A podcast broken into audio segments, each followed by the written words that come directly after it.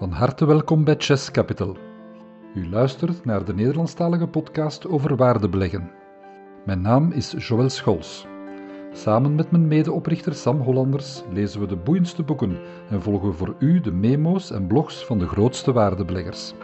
Alle afleveringen zijn gebaseerd op teksten die u vindt op onze website www.chesscapital.be. 12 juni 2020, onze allereerste nieuwsbrief. Sam en ik heffen graag, zij het dan virtueel, het glas met u op de start van onze dienstverlening en op de opening van onze website. We zijn helemaal ondergedompeld in het waardebeleggen en dat enthousiasme dat willen we graag delen met u. Misschien eerst de vraag beantwoorden: wat betekent waardebeleggen voor ons? Dat betekent dat we beleggen als ondernemers, eigenaars van bedrijven. We zijn er namelijk van overtuigd dat beleggen op de beurs net zo werkt als een overname van een volledig bedrijf. Net zoals je als ondernemer dan een due diligence gaat doen, moeilijk woord voor een boekenanalyse, dien je ook op de beurs een doorgedreven onderzoek te gaan doen naar bedrijven. Zowel de cijfers als de mensen achter die cijfers. En over een lange termijn maakt dat echt wel het verschil tussen matige of geweldige beursprestaties.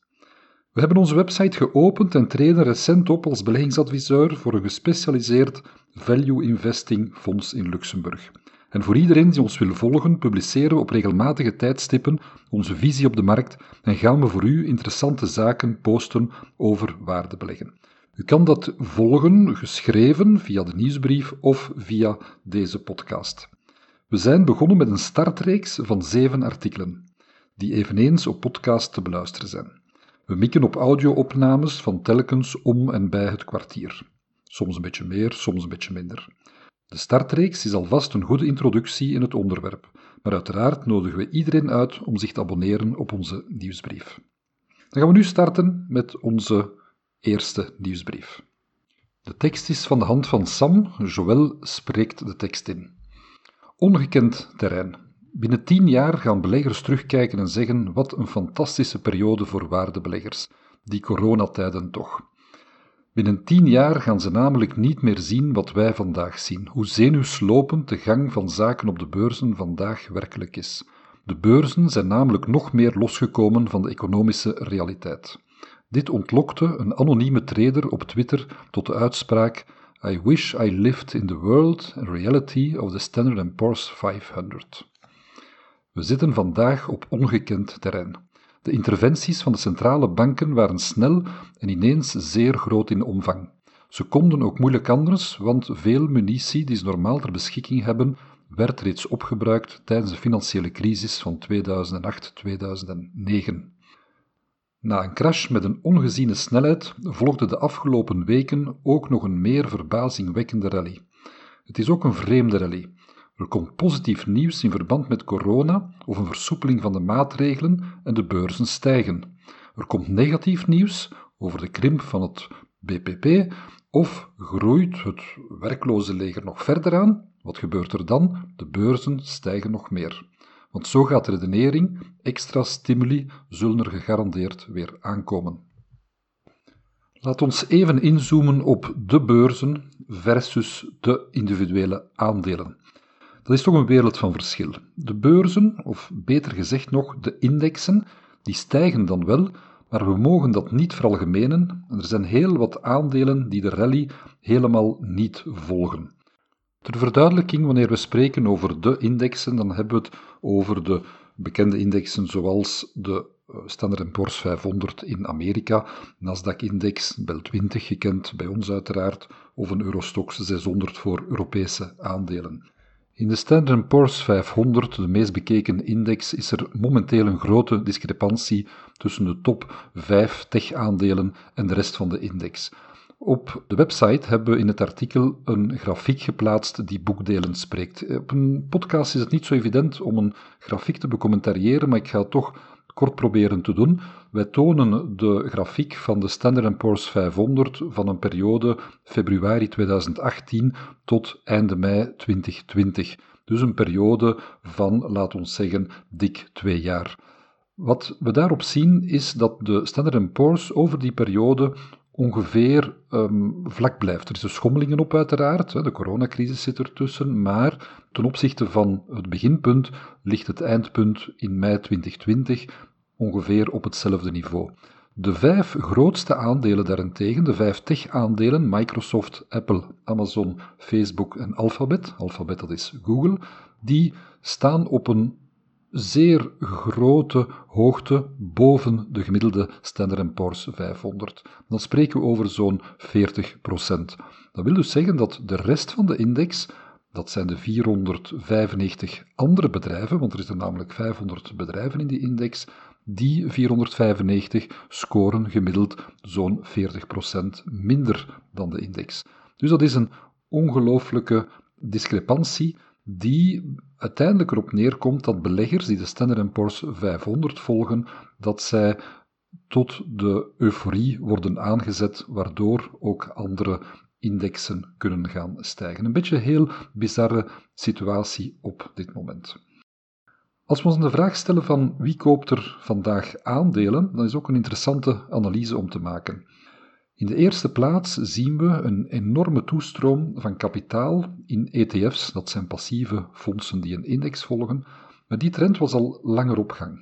En die is nu door de coronacrisis nog meer versterkt, of beter gezegd door de rally die volgde op de coronacrisis.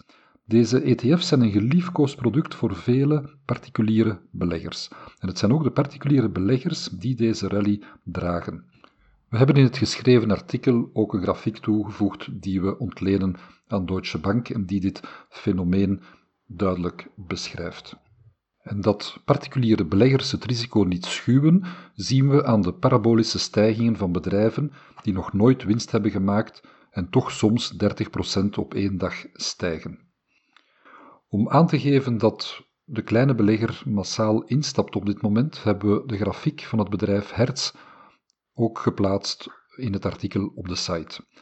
Daarin zien we, ga ik ook eventjes omschrijven wat er te zien is, dat ondanks het feit dat ja, het voor vele partijen duidelijk was dat Hertz in de problemen ging komen, dat de beurskoers daardoor daalde, dat toch het aantal beleggers massaal in het aandeel ging stappen. Zelfs op het moment dat het bedrijf bescherming vroeg tegen schuldeisers, stappen beleggers massaal in het aandeel. Ook bij online brokers, zowel in Europa als Amerika, hebben ze moeite om de toestroom aan nieuwe rekeningen te kunnen volgen. Volgens contacten met een aantal van deze brokers gaat het hier voor het overgrote deel over mensen die nog nooit eerder actief waren op de beurs. Dit is iets wat we niet zien typisch op de bodem van een markt, maar eerder op een top. Dus toch wel nuttig om eventjes bij stil te staan en te bedenken wat er allemaal gebeurt vandaag in de markt. Parallellen met het verleden. We weten dat we de toekomst niet kunnen beschrijven, maar we proberen toch te kijken of er patronen te herkennen zijn uit gelijkaardige gebeurtenissen in het verleden. En vaak wordt in de media een parallel getrokken met de dotcom-bubbel of met de financiële crisis. In onze ogen zijn geen van beide echter correct. De dotcom-crisis werd gedreven door euforie, net zoals elke rally. Maar het grote verschil is dat in die periode alles werd gekocht wat dan ook maar in de verste verte iets te maken had met het internet. Alles wat eindigde op .com schoot omhoog. Winst deed er niet toe. De techbedrijven van vandaag mogen dan wel duur zijn, maar het zijn wel hele sterke en goede bedrijven die zeer veel geld verdienen. Ook de bubbels die ontstaan in sommige aandelen die een corona-oplossing hebben, lopen vaak heel snel terug leeg. Vergelijken met de financiële crisis is ook niet correct. Toen konden we perfect een worst-case scenario opmaken van zodra het eerste stof ging liggen. In november 2008 was Sam al terug volledig belegd, na ongeveer 15 maanden voor het grootste deel aan de zijlijn te blijven zijn staan. Dit was toen veel te vroeg, want de beurzen zijn nog verder gezakt tot maart 2009.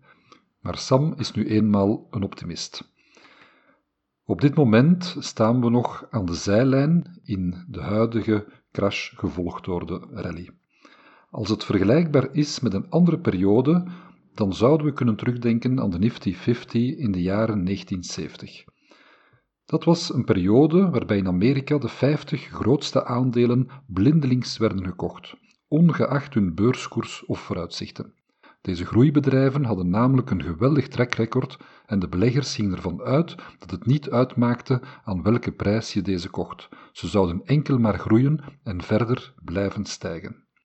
Deze bedrijven waren allemaal zeer sterke, solide bedrijven, die mooie groeicijfers konden voorleggen en veel winst genereerden, net zoals de vijf grote tech-aandelen vandaag. Koers-winstverhoudingen van 50 waren scheringen in slag. In die optiek lijkt het vandaag nog niet zo erg. Deze Nifty 50-periode eindigde in een beurscrash in 1973-1974, gevolgd door een berenmarkt die duurde tot 1982. Nochtans was dit een geweldige periode voor de waardebelegger. Buiten deze 50 aandelen werden de andere aandelen namelijk genegeerd en noteerden deze zeer goedkoop, ideaal om te kopen dus. Tijdens de crash gingen ook deze goedkope aandelen lager, maar herstelden naar hun werkelijke waarde, terwijl de Nifty 50 ook tot meer realistische waarderingen daalden. Voorlopig lijkt dat ons het meest vergelijkbare scenario met vandaag. Ook vandaag zijn er aandelen van goede bedrijven die genegeerd worden en hierdoor goedkoop noteren. Maar ook deze dreigen bij een crash eerst nog te dalen. Want vandaag hebben we daarbovenop nog de coronacrisis. De wereldeconomie is in het tweede kwartaal voor een heel groot deel stilgevallen. De impact hiervan is op vandaag niet gekend. Ook dit zal, net zoals alle andere crisissen, voorbijgaan en de economie zal herstellen.